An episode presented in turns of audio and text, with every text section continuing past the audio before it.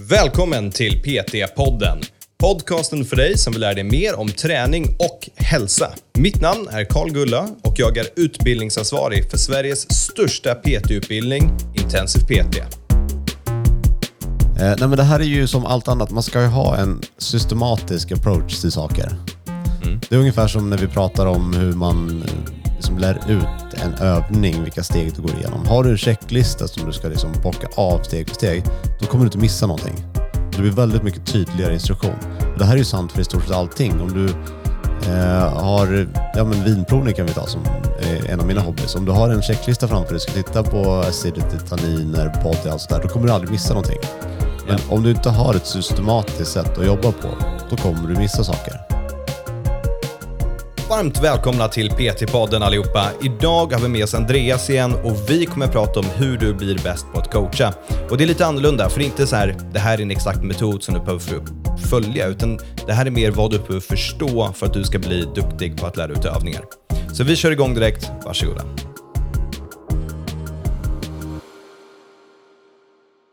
Välkommen till PT-podden, nu kör vi! Ja, välkommen tillbaka till PT-podden Andreas. Det märks att du inte har varit med på ett tag. Tack. Bra. Han har suttit och skrikit här, sätt på, sätt på, nu vill jag äntligen få prata. Ja, nu är det dags. Ja, Och så och- blev det ett ämne som jag inte kan. Det är ett ämne du kan, men det är kanske inte ditt ämne. Ehm, så idag ska vi göra sådana här avsnitt som vi förmodligen kommer vilja länka ut till folk som ska gå vår praktisk helg. Så det handlar om att lära sig att lära ut övningar. Ehm, fråga till dig. När folk brukar, alltså när de är nya och ska lära ut övningar, hur gör de då? Ehm, ja, hur gör folk när de är nya? Jag, jag tror väldigt mycket bygger på att man ska visa saker och tro att folk eh, ska förstå. Att klienter ska fatta bara genom att se ett rörelsemönster. Ja, om du tänker tillbaka till praktiska helger, liksom första minuten innan vi har gått igenom allting. Hur, hur försöker någon lära ut något då? Ja, men det är, man, man tar upp ett redskap och nu är det kettlebell och så säger man gör så här och sen så visar man och så sätter man ner den. Ja, och så är man varsågod, gör så här. Ja, Och, och demonstrera en övning sådär, det, det är ju inte det mest effektiva sättet att långsiktigt lära ut en övning. Det är ju någonting vi behöver göra, men då bara, okej Andreas, nu ska vi göra knäböj. Jag vill att du ställer dig axelbrett, sträcker på dig, spänner magen i rumpan, tittar på mig, sätter dig ner mellan knäna, pressar ut knäna, bröstar upp samtidigt också. Kom inte för djupt, uh, ha ingen flexion i ryggen, utan ha neutral rygg. Varsågod det var lite väl mycket kanske. lite väl. Det skulle jag definitivt vilja säga. Så det första steget är att demonstrera en övning, bara visa hur den ser ut. Men det är faktiskt inte det dagens avsnitt handlar om. Det, det där är hur folk brukar göra. Och det vi ska prata om det är hur folk bör göra. Och det är lite större förståelse för att lära ut övningar nu än en specifik metod. Utan det här handlar om hur vi ska försöka resonera och tänka när vi lär ut övningar. Det, det här bygger som en sorts pyramid. Där i botten på pyramiden, då har vi det första som vi måste kunna. Och, sen så kom, och om vi inte kan det, då kommer det bli svårt uppåt. Då kommer det bli svårare uppåt och så vidare. Och hela den här basen, det bygger på att vi behöver förstå en övning. Det känns väl... förstå, du menar varför vi gör den eller vad, vad menar du med förstå? förstå, ha kunskap kring den här övningen. Så om man tar ett knäböj till exempel, då kan vi liksom resonera kring ehm, enkla saker som hur gör vi den effektiv?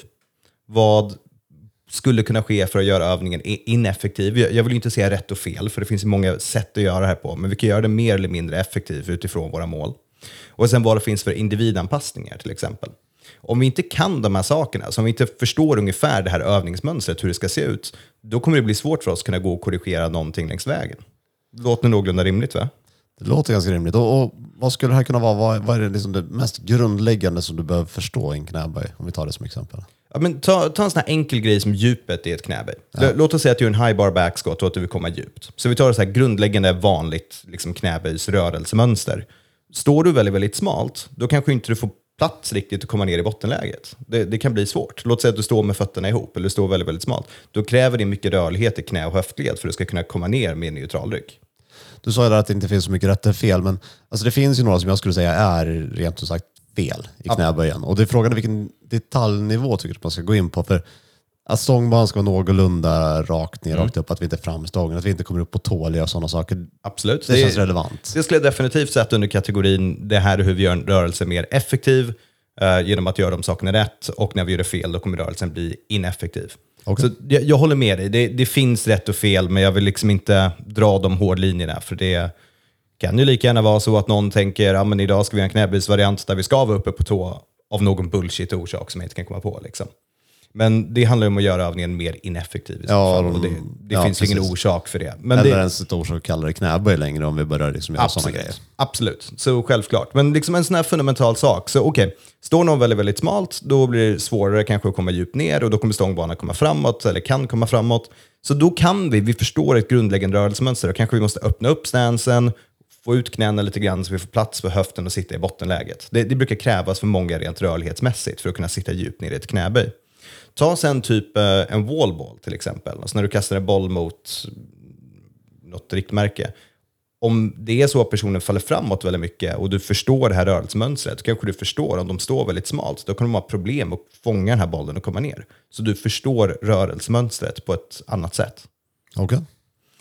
Så hela grundläggande konceptet liksom pyramiden som vi börjar på, det är att om du förstår en övning och förstår en rörelse, du förstår vad som gör den effektiv, vad som kommer göra den bra, du har några points of performance, liksom saker du letar efter, då kommer det hjälpa dig. På samma sätt om du förstår vad som gör den ineffektiv och förstår vad som är anpassningar. Så du till exempel, du står inte så brett när du gör dina knäböj och det, det har du anpassat för att jag vet inte, du är förstörd och varje gång du gör det så får du ont. Det är mindre ont. Ja, precis. Så det är ju liksom en individanpassning som du har gjort och det är okej. Och de här sakerna behöver man förstå, för om man inte har det, hur ska du då någonsin kunna gå in och korrigera någonting? För du vet inte vad du letar efter. Okej, då, då har vi gått igenom eh, grunden i pyramiden, att förstå. Förståelse för övningen. Precis, och det handlar inte om att du ska kunna den på elitnivå, att du själv ska kunna utföra den på det bästa sättet. Det handlar om att du ska ha en grundläggande kunskap. Och kan du anatomi, kan du biomekanik, har du lärt dig några övningar, då kommer det här översätta och du kommer få en ganska bra förståelse för övningar. Jag tror att man skulle kunna säga här, typ, om jag kan lära ut en knäböj, då förstår jag den. Ja, Så om din klient kan förklara för sin kompis som är en knäböj, då skulle jag säga att de checkar i alla boxar på den. ja klienten gör det, men det här handlar om att du som PT ska förstå Exakt. övningen, inte du som klient. Jaha, det handlar inte om att klienten ska förstå. Ja, Nej, det handlar om att du- mycket lättare. Ja, det handlar om att du som PT behöver förstå. För att det här har sedan en direkt korrelation till nästa sak, vilket är du ska kunna se saker i övningen. Okej? Okej, i bloggposten har vi, du, vi, du ska kunna observera en övning. Det har en direkt korrelation till att du ska kunna observera den här övningen. För att, okej, vi, vi börjar så här. När du har lärt ut en övning, hur många gånger när du säger okej, Karl gör så här, liksom, öva på det, sen säger okej, men gör fem knäböj, så ska du titta på mitt knäböj och kolla på det och försöka, liksom, någonting står ut. Hur många gånger hoppas du bara på att du ska se någonting? Jag hoppas ju för din skull att jag inte ska se så mycket. Absolut, men när du är PT och tittar på klienten, vad, liksom, hoppas du bara på att du ska kunna se någonting? Att något ska stå ut? Nej, oftast är det ju inte speciellt liksom, supertydliga saker som är fel. Det är oftast små fix man behöver göra. Ja, och nu, nu ger du egentligen det fel svaret, vilket är kul. För att sanningen är att varje gång man tittar på en klient som ska göra det här och du ska liksom analysera deras teknik, så hoppas du på att kunna se någonting. För du Det- vet ju inte vad som kommer ske. Du vet inte exakt hur det ser ut. Du håller tummarna för att något ska stå ut som du ska se. Tvärt, tvärtom. Nej, om, jag, om jag letar efter fel, då kommer jag hitta dem. kanske. Jo, men så, så funkar det. Det är, ju, det är ju en bias. Om jag tror att det kommer gå åt skogen för dig när du knäböjer. Jag kommer hitta någonting som jag kommer kunna påpeka på. Och det, det tror jag är en miss.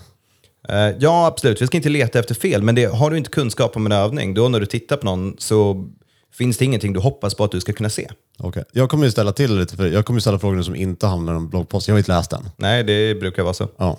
Men för i den här, jag är inne på det här spåret att om man letar efter fel, och vi har ju ännu en aspekt av det här, och den är klienten, om de precis har börjat med en övning, om du letar efter specifikt ett fel, så behöver du se det över tid. Ja. För att ska kunna, liksom, de- kanske gör olika repetitioner, fem reps och fem olika reps. Absolut.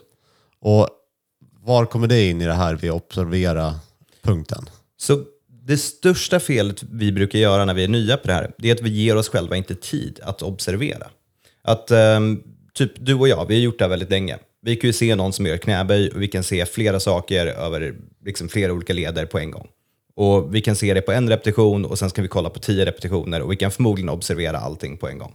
För vi har gjort det här väldigt, väldigt länge. Men så är det definitivt inte i början. Då behöver du leta efter saker beroende på vad du har för kunskap om övningen.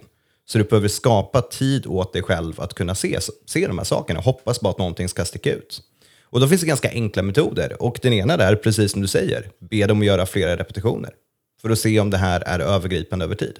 För en vanlig miss man gör, det är att man liksom lär ut det här. Säger man okej, men gör två knäböj, så gör de två. Så bara, ah, men okej, nu går vi in och korrigerar, nu går vi in och korrigerar. Och då har du dels inte tid att observera ordentligt, men också att de här random sakerna du ser kan bara vara konstiga missar de gör då och då. Och här tror jag att ett fel många PTs gör, som är tvärtom, som har jobbat ett tag, de slutar göra det här. De, för dem handlar det mer om vikten. Absolut. Då tänker de att träningen nu är inte rörelsen och träningen nu är belastningen. Och då slutar de att kolla på det här och lastar på mer vikt istället. Men det här är ju, den här processen som är ju, vi beskriver nästan en biomekanisk analys, är ju evigtgående varenda det klienten alltid gör. Absolut. Och, och då är poängen där också att när du är nyare så kanske du behöver gå... När, när du tittar på en klient, ta det en sak i taget. Så vi har ju bland annat i föreläsningarna, så har vi, ta typ grundrörelser, då har vi en lista på liksom vad som är effektivt i ett knäböj, vad som är ineffektivt och vanliga fel som folk gör till exempel. Ja. Så då kanske, om du ska börja med att fokusera på att titta på att hälarna inte lyfter till exempel, om vi, om vi tar en sån, då kanske du ber klienten här i början, kör tre repetitioner och det enda du tittar på, det är hälarna. Och sen snyggt, bra jobbat. Sen kanske nästa, då ska du titta på om knäna faller in överdrivet mycket och träffar varandra. Så du gör tre repetitioner, så kollar du bara på knäna. Så det jag tror är att folk tar inte tid till att skapa förutsättningen av att de själva ska få observera för att se vad det är som sker i själva rörelsen. Här är ett ganska bra tips tror jag. Okej? Eh, för det finns ju inte brist på exempel på det här. Du kan ju gå till gymmet och så kan man titta vad folk gör. För att det är ännu lättare. När du är PT, då ska du kommunicera, du ska kanske räkna repetitioner, du har massa annat att hålla koll på också, förutom att du ska observera. Men om du bara går till gymmet och sätter dig på en bänk och bicepscurl och så kollar du på alla som gör rörelser. Då kan du bara analysera. Upplever inte du att det är en hobbyskada efter ett tag att man gör så? Jo, man får ju nästan snarare efter något år försöka bara blunda för allt vad folk håller på med i gymmet. Man gömmer sig i ett hörn. Ja. Och så vill inte vara med längre, för man vill inte se allting som pågår. En fråga som ofta dyker upp det är ju just det här att personer som pluggar vår utbildning, de börjar ju göra den här biomekaniska analysen. Då frågar de, ska man gå och tala om för folk när de gör saker som är åt helvete? På gymmet? Ja. ja. Och den, jag är ju inte ens nära att göra det där längre. Nej, inte jag heller. Och det, det föll mig aldrig in att jag skulle vilja bara gå och tala om för någon vad de gör. Men, men i början, jag förstår alltså den... Ja, men vi, vi kan, Ändå. den där är ganska enkel. Jobbar du på det här gymmet, då, ska du, då kan du nog göra det. Då, då, fin, då har ju du ett belägg till att öppna en konversation med den här personen. Och sälja PT. Absolut. Exakt. Jobbar du inte på det här gymmet, då är det typ bara weird när du gör det. Alltså, ser det ut att vara någon trevlig person som vill ha hjälp och strugglar, då kör. Jag har gjort det med kids, vilket låter weird när jag säger det. Men eh, ja, jag vet, det, det där lät fett weird. Men typ om jag sitter och bänkat så är det en bänk bredvid. Så är det någon liksom 15-åring som bänkar typ 30 kilo och det ser för jävligt ut. Då bara, men vill du ha en pass liksom? De inte grejer det. Och de säger, ja ah, gärna, gärna. Så säger jag, men du, tänk på att kanske göra det här. Fan vad schysst, tack så mycket. Um, men det är bara för, fan, hjälp dem liksom. Ja, Men generellt sett, nej, jag antar inte det. Men nu, nu går du off topic. Ja. Dålig host. Ja, dålig host. Ehm, så vi behöver skapa förutsättningar så vi kan observera en övning. En metod, eller ett sätt att göra det på, det är att be folk göra fler repetitioner.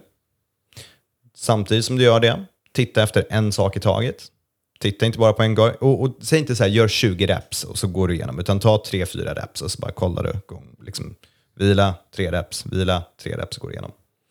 Um, självklart gå runt din klient. Det är ju en klassiker. Vissa saker ser du från olika vinklar. Så du kan inte se liksom allting på tre reps på, från en vinkel, utan du får röra dig runt din klient. Um, och sen två av mina favoriter, det är olika metoder för att sakta ner det här. Det är att be dem göra långsammare repetitioner. Så typ knäböj, säg det ska ta dig fem sekunder att komma ner i bottenläget. Då har du gott om tid att se vad som händer. Visst, du kommer ändra rörelsebanan, eller, eller inte rörelsebanan, men du kommer ändra deras teknik lite grann för att de har något annat att tänka på. Men det, det är ändå bra. Och den sista som jag tycker om, det är att använda pausreps. Så att säga typ knäböjet, stanna, så tittar du. Okej, ser bra ut. Fortsätt, stanna, fortsätt, stanna, fortsätt så vidare. Här har jag en eh, John Nash-kommentar. Eh, och det är på det här, titta på en sak i taget. Jag tycker du ska titta på en sak i taget och helheten. För om hälarna lyfter, ja det är jättebra att du har sett hälarna lyfter, men varför lyfter hälarna? Ja, visst. Så Men, men det är ju, ja men då är det så här, okej, hälarna lyfter, vad kan det här bero på? Och sen så kan du fortsätta titta igenom resten av rörelsen. Exakt. Titta, bestäm dig för en sak, det här ska du ha koll på nu och sen ser du helhetsrörelsen och just den saken. Ja, absolut. Det, kan du göra det så skitbra. Ja, och det blir lättare ju längre man jobbar såklart. Till slut tittar vi bara på helheten.